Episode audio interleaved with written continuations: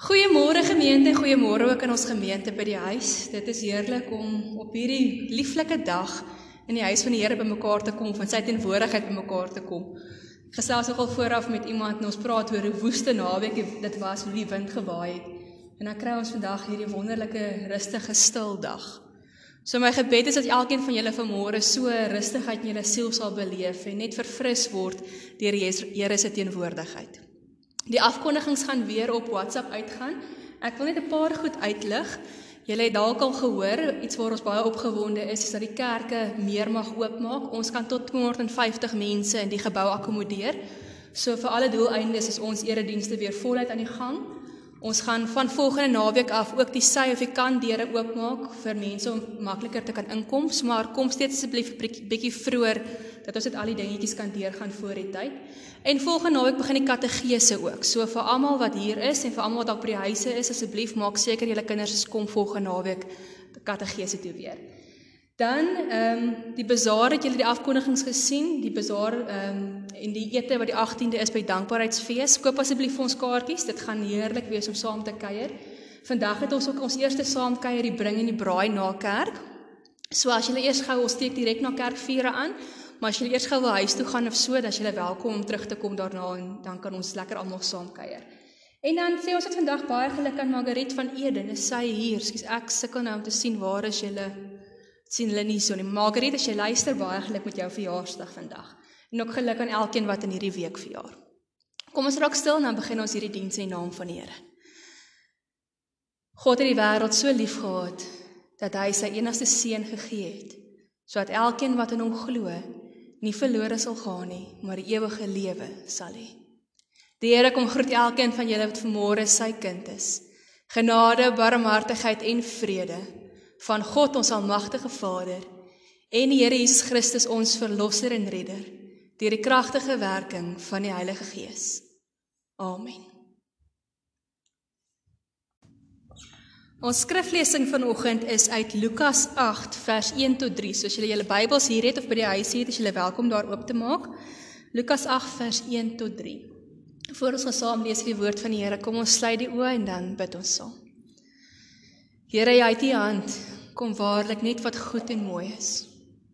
En dis vandag vir ons 'n 'n vreugde, Here, en 'n voorreg om as U kinders bymekaar te kan kom, Here, of ons by die huise nog is, of ons in die kerk is, of ons dalk elders op pad is. Here, wil ons kom en ons wil vandag alle eer aan U bring. Ons wil kom sing met ons lewens, Here. Ons wil alles kom gee vir U omdat U so goed is vir ons.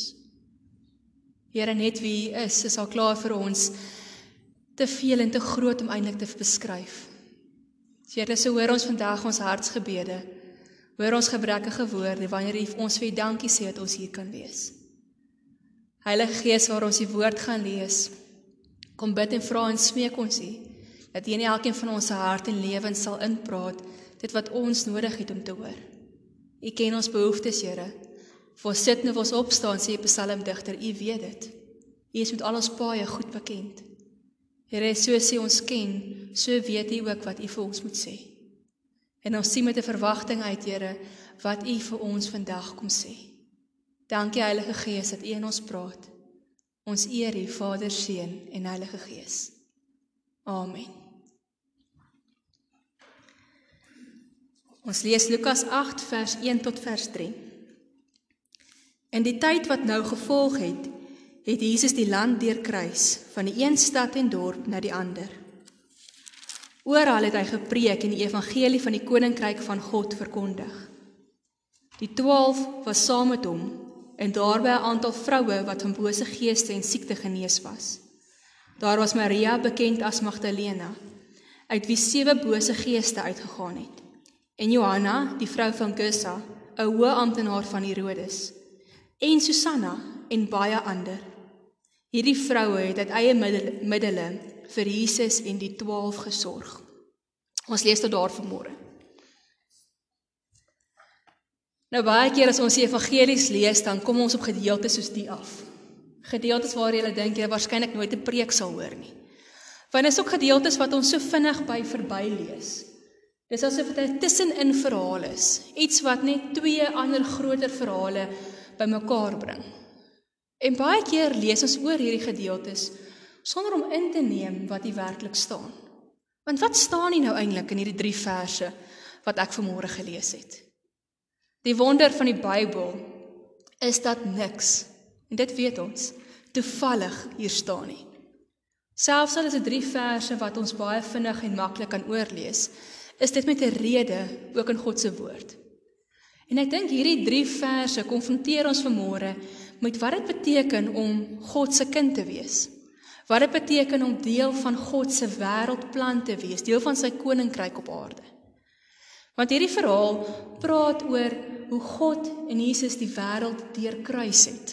Julle sal sien dis die tema ook vandag om die wêreld en die land te deurkruis saam met Jesus. Deurkruis is vir my so 'n mooi woord. Dit gee vir my hierdie beeld in my kop van hoe 'n mens reis en jy tyd saam reis. Om seker te maak jy kom by elke plekkie uit en jy sien elke plekkie waarby jy verbygaan. In ons lewens deesdae is ons baie keer so besig en ons is so in 'n gejaag en 'n gehaas dat ons by mooi plekke ry en ons mis eintlik die mooi. Nou baie duidelik Jesus, hy was nie so hastig nie. Hy het sy tyd gevat, lees ons in hierdie eenvoudige woordjie van hoe hy gereis het. Hy het sy tyd gevat om by elke dorp en stad te stop, om die mense wat hy langs die pad te kry by stil te staan en vir hulle te vertel die goeie nuus van waarom hy gekom het. Vandag nog is ons is Jesus besig om deur ons lewens ook die wêreld te deurkruis. Ons weet dit. Ons weet dit maar ons dink nie baie daaroor nie. Soos ons in hierdie wêreld leef, soos ons hier in Queenstown lewe, weet ons oral waar ons gaan, moet ons draers wees van God se goeie nuus. Moet ons sy boodskappers wees, moet ons sy hande en voete wees. Moet mense kan sien met alles wat ons doen dat ons verkondig wie Jesus is, dat ons die goeie nuus verkondig. Ons deurkruis die wêreld en saam met ons deurkruis Jesus, is Jesus voorstel eintlik om steeds die wêreld te deurkruis. Maar as ek nou vandag vir julle vra, wie van julle is werklik oplettend en bewus daarvan dat elke liewe ding wat ons doen Elke sekonde wat ons het, elke gesprek wat ons het, elke plek waar ons kom in hierdie dorp, 'n getuienis moet wees. Wie van ons is werklik voluit bewus daarvan? Ek dink deel van hoekom ons nie bewus is nie, is omdat ons baie keer verskonings het. Verskonings wat keer dat ons hierdie getuienis uitleef wat Jesus ons vra. En hierdie verhaal, hierdie 3 verse, praat nogal oor twee sulke verskonings. Die eerste verskoning wat ons dikwels het, is dat ons voel ons is nie waardig, goed genoeg om deel te wees van Jesus se plan nie. Die tweede verskoning is dat ons baie keer sê maar ons weet nie hoe nie. Ons weet nie hoe om te getuig nie, ons weet nie hoe om te praat nie, ons weet nie hoe om God se koninkryk sigbaar te maak nie. In hierdie verhaal, hierdie drie verse wat so half tussenin 'n klomp gelykenisse val waarop ons meer fokus, die gelykenis van die saaier onder andere. Kom bring ons net terug na die begin na die wete van ons hoef nie bang te wees nie. Ons hoef hierdie verskonings te gebruik om weg te breek van dit wat God van ons vra nie. So hierdie eerste verskoning wat ons het is die gedagte dat ons baie keer voel ons is nie waardig nie. Ons is nie goed genoeg nie. Ons dink baie hierdie ding van ons is nie waardig nie is dikwels diep binne in ons geleë. Dis 'n ding wat al begin in kinders se lewens. Wat maatjies vir hulle sê hulle is nie goed genoeg nie. Wat jy in die skool voel jy is nie goed genoeg nie. En soos ons deur die lewe gaan, is daar baie goed wat met ons gebeur wat net vir ons maak laat voel en laat beleef, maar wie is ek nou om iets te kan doen? En soveel meer is dit baie keer so ongelukkig in die kerk. Want ons dink baie keer is net die kerkraad of is net die dominee wat kan getuig, is net sendelinge wat iets kan doen. En ons voel ons is nie goed genoeg nie. Maar op hierdie reis van Jesus lees ons van 'n groep mense wat saam met hom was. Deur die Bybel lees ons van mense wat saam met God op reis is. Mense wat in wêreldse oë ook gedink het hulle is nie goed genoeg nie. Dink maar aan Moses, Jeremia, Jesaja, al die profete wat ons ken wat sê Here, ek is nie goed genoeg nie. By die reis van Jesus kom ons af op die 12 apostels, die 12 disippels. Ons lees op ander plekke in die vroeër in die Bybel hoe hulle geroep is en waarmee hulle besig was. Party van hulle was rowwe vissermanne, mense wat onwaardig was in wêreld se oë, mense wat grof was, mense wat gevloek het, wat deur die son gebrand was. Maar Jesus het hulle geroep. Maar snaaks genoeg in die verhaal wat ons ver oggend gelees het, word hierdie 12 disippels net so in die verbygaan genoem. Die 12 was daar. Die karakters wat in hierdie verhaal die aandag kry, is die vroue. Nou vroue in die Bybelse tyd en ek weet julle het dit seker al gehoor, was nog meer onwaardig. Was een van die onwaardigste mense in die samelewing. Wat hierdie vroue actually nog verder vat is dat hulle van bose siekte, ag bose geeste en siekte genees was. Nou bose geeste in daardie in die Bybelse tyd was dikwels maar 'n geestelike siekte wat mense nie geweet het wat om mee te maak nie. Maar omdat mense nie geweet het wat om met dit te maak nie, het hulle mense wat so was verstoot. Mense wat siek was, was dikwels ook vir, vir beskou as onrein. So hulle was ook verstoot. Wat ons sien is dat hierdie vroue wat saam met Jesus was, eintlik ver van waardevol was in in wêreld se oë. Hulle was eenvoudig in die wêreld se oë nie goed genoeg om volgelinge van Jesus te wees nie. En tog het hulle saam met Jesus van dorp na dorp, van stad na stad gereis. Hulle het gereis saam met Jesus in hulle waarde besef omdat Jesus hulle aangeraak het ten spyte van hulle verwerping, ten spyte van hulle gebrokenheid. Jesus het oor hulle siekte en hulle kwale gekyk en hy het die mens raak gesien wat hom nodig het. En die vroue het besef dat hierdie aanraking van Jesus vir hulle meer waarde gee as alles wat almal anders vir hulle kan sê. Hoe besonder is dit nie? Om te weet as God ons aanraak gee dit vir ons meer waarde as wat enigiemand op aarde van ons kan wegneem. Om hier by buite las om om dit te versterk word beskryf wie hierdie vrouens is. Ons lees van Maria wat ook bekend as Magdalena, partykeer gebruik die Bybel dit as Maria Magdalena. Die vrou wat ons net lees in die Bybel van is sy is deur sewe bose geeste uit sewe bose geeste bevry. Dis al. Maar daardie kort biografie van haar sê vir ons dat mense haar heel moontlik verstoot het dat sy nie waardig was nie. En tog Maria Magdalena was een van die vroue wat Jesus al die pad gevolg het, by die kruis gestaan het en by die graf en die opstanding van die Here beleef en getuig het van. Selfs toe die disippels, die 12 disippels weg was, was Maria Magdalena steeds daar. Want sy het in haar lewe besef wat Jesus vir haar kom doen het. Die tweede vrou waarvan ons lees is Johanna die vrou van Gussa, 'n hoë amptenaar van Herodes. Nou in hierdie paar woorde kry ons presies wat gewoonlik in die Bybelse tyd gebeur het. 'n Vrou se waarde was aan haar man gekoppel. So, hier hoor ons, Sy was belangrik omdat haar man belangrik was. Ek wil die voorbeeld gebruik om te sê dis nou soos die ou mevrou Dominee en mevrou dokter was. Julle onthou daai jare? Ja. Dis daai tipe gedagte wat hier ons hier kry. Sy was 'n ryk vrou, sy was 'n vername vrou. Maar saam met dit was hulle ook nie Jode wat tot geloof gekom het. Mense wat in die Romeinse staatsamptenaar gewerk het wat geglo het in Jesus en hom gevolg het.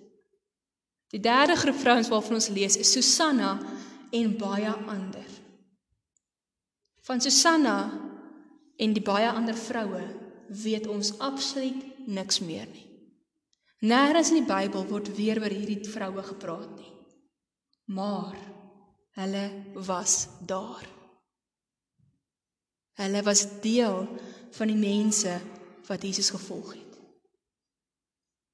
Hierdie vroue, hierdie drie groepering vroue Wys hoe in die koninkryk van God dit nie saak maak of jy eintlik man of vrou is nie. Dit maak nie saak of jy 'n vrou is met 'n verlede en 'n geskiedenis en of jy 'n ryk vername sake vrou is nie. Dit maak nie eers saak of jy Susanna en die ander vroue is wat niemand weet wie jy is nie. Want by God en die koninkryk van God maak dit nie 'n duit saak wie jy was nie. Wat saak maak is dat jy God begin volg het toe hy jou aangeraak het. Dat jy jou waarde begin besef nie in wat mense sê of wat in die verlede met jou gebeur het nie. Maar aan God wat sy hand na jou toe uitgesteek het en vir jou sê ek het jou lief. Want so lief het God die wêreld gehad dat hy sy enigste seun gestuur het. Dit is die waarde wat God vir ons gee. Maar as ek nou vanmôre dit sê, dan weet ek dis nie eers die keer wat jy dit hoor nie. Maar dan wil ek dieselfde asem vra, maar wie van julle het in hierdie week dit werklik geglo? Wie van julle het nie eers in hierdie week geloop en gewonder is ek goed genoeg nie? Ons kinders begin al vroeg en wonder is ek goed genoeg vir my maatjies? Wat moet ek meer doen om meer aanvaarbaar te wees? Ons groot mense doen ons dit steeds. Ons dink steeds wat moet ek by die werk doen om meer aanvaarbaar te wees? Hoe kan ek myself meer laat geld? Hoe gaan ek verander hoe mense oor my dink en na my kyk? Ons weet hoe God oor ons dink. Maar terselfdertyd twyfel ons en of dit werklik die waarheid is. Want ons maak dit nie altyd nie elke dag deel van ons lewens nie. So my vraag is wat het hierdie vrouens dit laat glo? Want ek ken nie mensdom en julle ken nie mensdom. Daar's nie baie mense in hierdie wêreld wat ons sal motiveer om te sê ons is waardevol nie. Inteendeel, ek seker hierdie vroue het meer as genoeg gehoor van wie hulle was en hoe hulle nie gepas het nie en hulle verlede wat opgehaal is heeltyd. Ek seker hierdie vrou het meer as genoeg rede gehad om te twyfel dat hulle waardig is in Jesus se oë hulle nie waardig is om sy volgelinge te wees nie. Maar tog het hulle geglo. Waarom? En wat kan ons leer hieruit? Ek dink hierdie vrou het geglo omdat hulle net eenmalig deur iets aangeraak is toe hulle genees is nie. Want so 'n eenmalige aanraking is gewoonlik wonderlik. Dit is dis bo ons begrip. Maar dit kan nie net daar bly nie. Want dit verdwyn en die wêreldse las en die wêreldse druk en hoe ons hoor ons is dit nie werd nie word al hoe swaarder. Wat die verskil gemaak het in hierdie vrouens se lewe is dat hulle stap vir stap saam met Jesus die wêreld deurkruis het. Om in God se teenwoordigheid te leef, het hulle laat glo dat hulle waardig is om God se kinders te wees. Nie net 'n een eenmalige aanraking nie om te leef in die Here se teenwoordigheid. Ons kan soveel selfhelpboeke lees en onsself probeer oplig soos ons wil en ander mense probeer oplig en laat glo hulle is waardevol.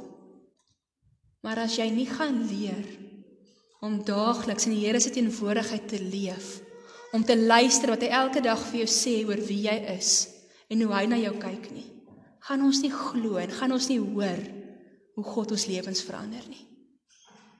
Die enigste manier om te begin glo wie God ons gemaak het om te wees. Ongeag ons verlede, ongeag of ons foute het, is om te luister na wat Jesus vir ons sê. En ek wil hê jy moet vassteek vanmôre by julle.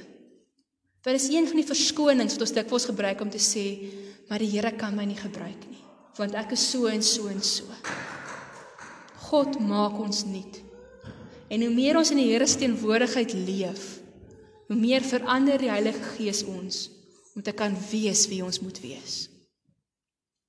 Die tweede verskoning wat ons dikwels gebruik, is dat ons nie weet hoe om te getuig nie. Want nie baie van ons het die moed om te gaan na iemand toe en ewe skielik net vir hulle te vertel van die Here nie. Maar ons hoor gereeld ook in die kerk veral ons moet die Here se hande en voete wees. Net soos Jesus die aarde deur kruis het waar hy ook al gekom het, die koninkryk geleef het, moet ons die koninkryk leef met woord en daad. En tog sê ons nog steeds, maar ons weet nie hoe nie. Ons voel ons het nie die vaardighede nie, ons voel ons het nie die vermoë nie, ons weet nie wat om te sê nie. Net soos nou maar al die profete ook verskonings gehad het, Moses wat nie kon praat nie, Jeremia wat te jonk was, soos daar honderde voorbeelde in die Bybel. Wat mense net elke keer sê, maar ons weet nie hoe nie. Ons het nie die vermoë nie. Ons kan dit nie doen nie.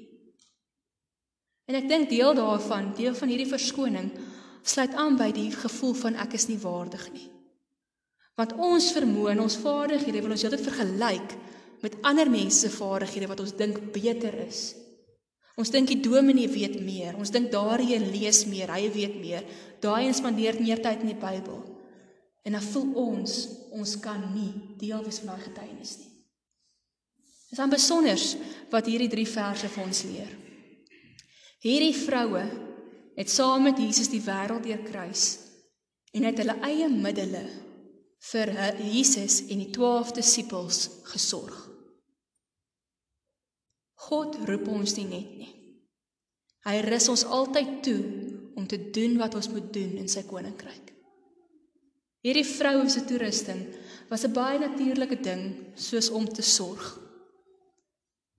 Vir die meeste vroue wat hier is, sal julle sê maar ag om te sorg vir iemand is mos nou maar iets waarmee ons groot word, dis iets wat gemaklik is, dis iets wat natuurlik kom.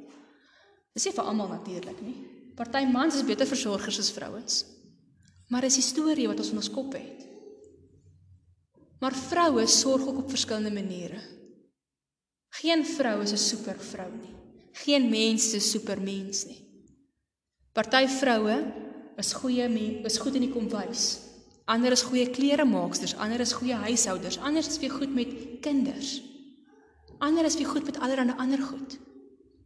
Wat besonder is van hierdie verhaal is dat daar geen uitsondering gemaak word oor presies wat hierdie vroue gedoen het. Daar word geen vergelyking gemaak oor wie se gawe en wie se diensbaarheid beter is as ander nie. Want een van die leuns wat ons glo en wat ons keer om God se getuienis uit te leef en sy koninkryk uit te leef, is dat ons dink dit wat ons doen is nie goed genoeg nie. Dat iemand anders se diensbaarheid en gawes beter is.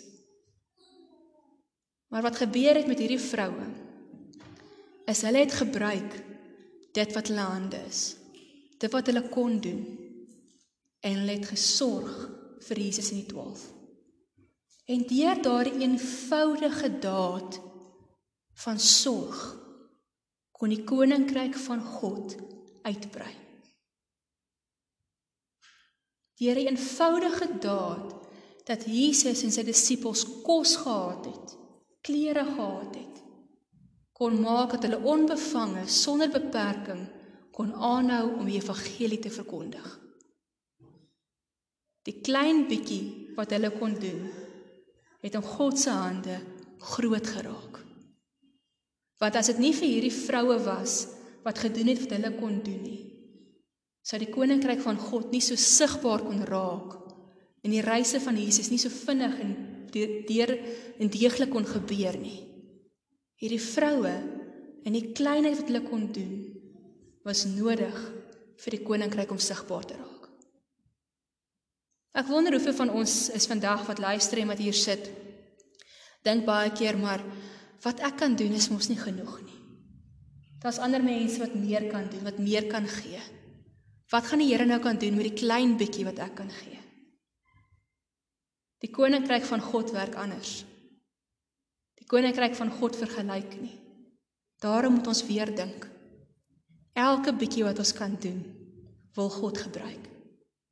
So daar is nie 'n verskoning vir ons om te sê ons weet nie hoe nie. Ons het nie genoeg nie, ons het nie die vermoë nie. Soos jy leef, soos jy jou wêreld deurkruis, wil God gebruik dit wat in jou hand is om sy evangelie uit te brei, om sy koninkryk sigbaar te maak. Vir Moses het die Here gevra toe hy al hierdie verskonings gehad het, Moses, wat is in jou hand? En Moses het sy staf waarmee hy die skape opgepas het in sy hand gehad. En daardie staf het die wonderteken geword vir die farao in Egipte. So vra die Here ook vandag vir ons. Wat is in ons hande? Wat ons bereid is vir hom te gee en te sê Here, gebruik dit om u koninkryk sigbaar te maak. Van die dag wat ons begrip begin kry as 'n klein kindjie tot die dag wat ons sterf, gaan ons heeltyd gekonfronteer word met hierdie twee verskonings. Met die gedagte dat ons nie goed genoeg is nie en dat ons nie genoeg kan doen nie. Maar moenie dat dit jou storie wees nie. Ons lewensverhaal is vir God belangrik. Hy wil dit gebruik. Hy wil jou lewe gebruik soos hy is. So al wat hy van ons vra is as hy ons aanraak, kom ons volg hom. Kom ons los die verskonings en kom ons gaan wees sy koninkryk elke dag. Onthou om die wêreld te deurkruis, om jou lewe te deurkruis, is om met 'n bewustheid te lewe van wat om jou aangaan. Raak bewus van die geleenthede wat God elke dag oor jou pad bring. En jy sal vreugde vind omdat jy deel raak van sy plan, soos hy dit wil hê. Kom ons gaan wees God se hande en voete in hierdie wêreld. Want dit maak nie saak hoe die wêreld sê ons is nie. Deur Christus en in Christus weet ons wie ons is. Amen. Here, dankie vir hierdie verhaal wat so tussenin val vandag. 'n Verhaal wat ons dikwels mislees. En dalk vir ons lewens vanmôre so, Here. Dat dit voel asof niemand ons raak sien nie, asof soveel dinge buite gebeur wat belangriker is. Dat ons lewe en ons lewe vir U nie veel beteken nie. Here, maar in hierdie 3 verse sê ons vir dankie dat U wys dis nie sommer net so nie. Dat U vir ons herinner dat ons in U oë waardig is, dat U gekom het vir ons. Dit maak nie saak wie ons is of hoe ons verlede was nie. Dit maak ook nie saak wat ander mense van ons dink nie, Here. Help ons en help elke help elkeen wat hier is, Here, dat ons vir mekaar ook sal bevestig hoe U na ons kyk dat ons by U sal gaan stil raak, Here, dat ons saam met U sal reis ons lewe deur en kan begin glo en kan begin leer hoe U na ons kyk. Here, maar gebruik ons ook.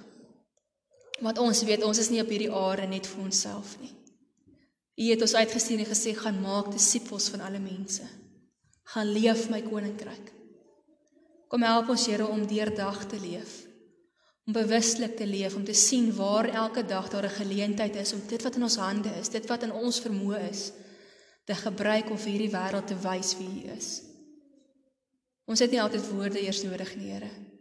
Partykeer is dit wat ons doen, ons weet goed genoeg. Maar kom gee ons die waagmoed, Heilige Gees, kom gee ons die onderskeiding sodat ons waarlik kan doen dit wat U wil hê ons moet doen. En dankie Here dat ons weet in ons lewensverhaal is ons nie alleen nie. Maar voel ons dalk klein en onbenullig en waardeloos. Dankie dat U saam met ons die pad stap. Dat U ons waardig maak en dat ons kan deel wees van U groot plan. Mag hierdie gemeente, Here, 'n getuie wees, 'n ligbaken tot U eer in hierdie dorp. Mag oral waar ons gaan, waarlik mense kyk en sê iets is anders. En mag dit U wees wat hulle raak sien, Here sodat in woord en daad en alles wat ons doen ons alle eer aan U kan bring. Amen. Ontvang nou die seën van die Here en gaan met sy vrede hierdie week in. Gaan leef beskikbaar vir hom en hy sal jou gebruik om sy koninkryk al hoe meer sigbaar te maak. Mag die genade van ons Here Jesus Christus en die liefde van God ons Vader in die teenwoordigheid van die Heilige Gees by elkeen van julle wees en bly en julle help om te sien hoe julle in God se oë is en julle help om te hoor en te beleef waar hy julle wil gebruik. Amen. Mag julle 'n mooi week hê.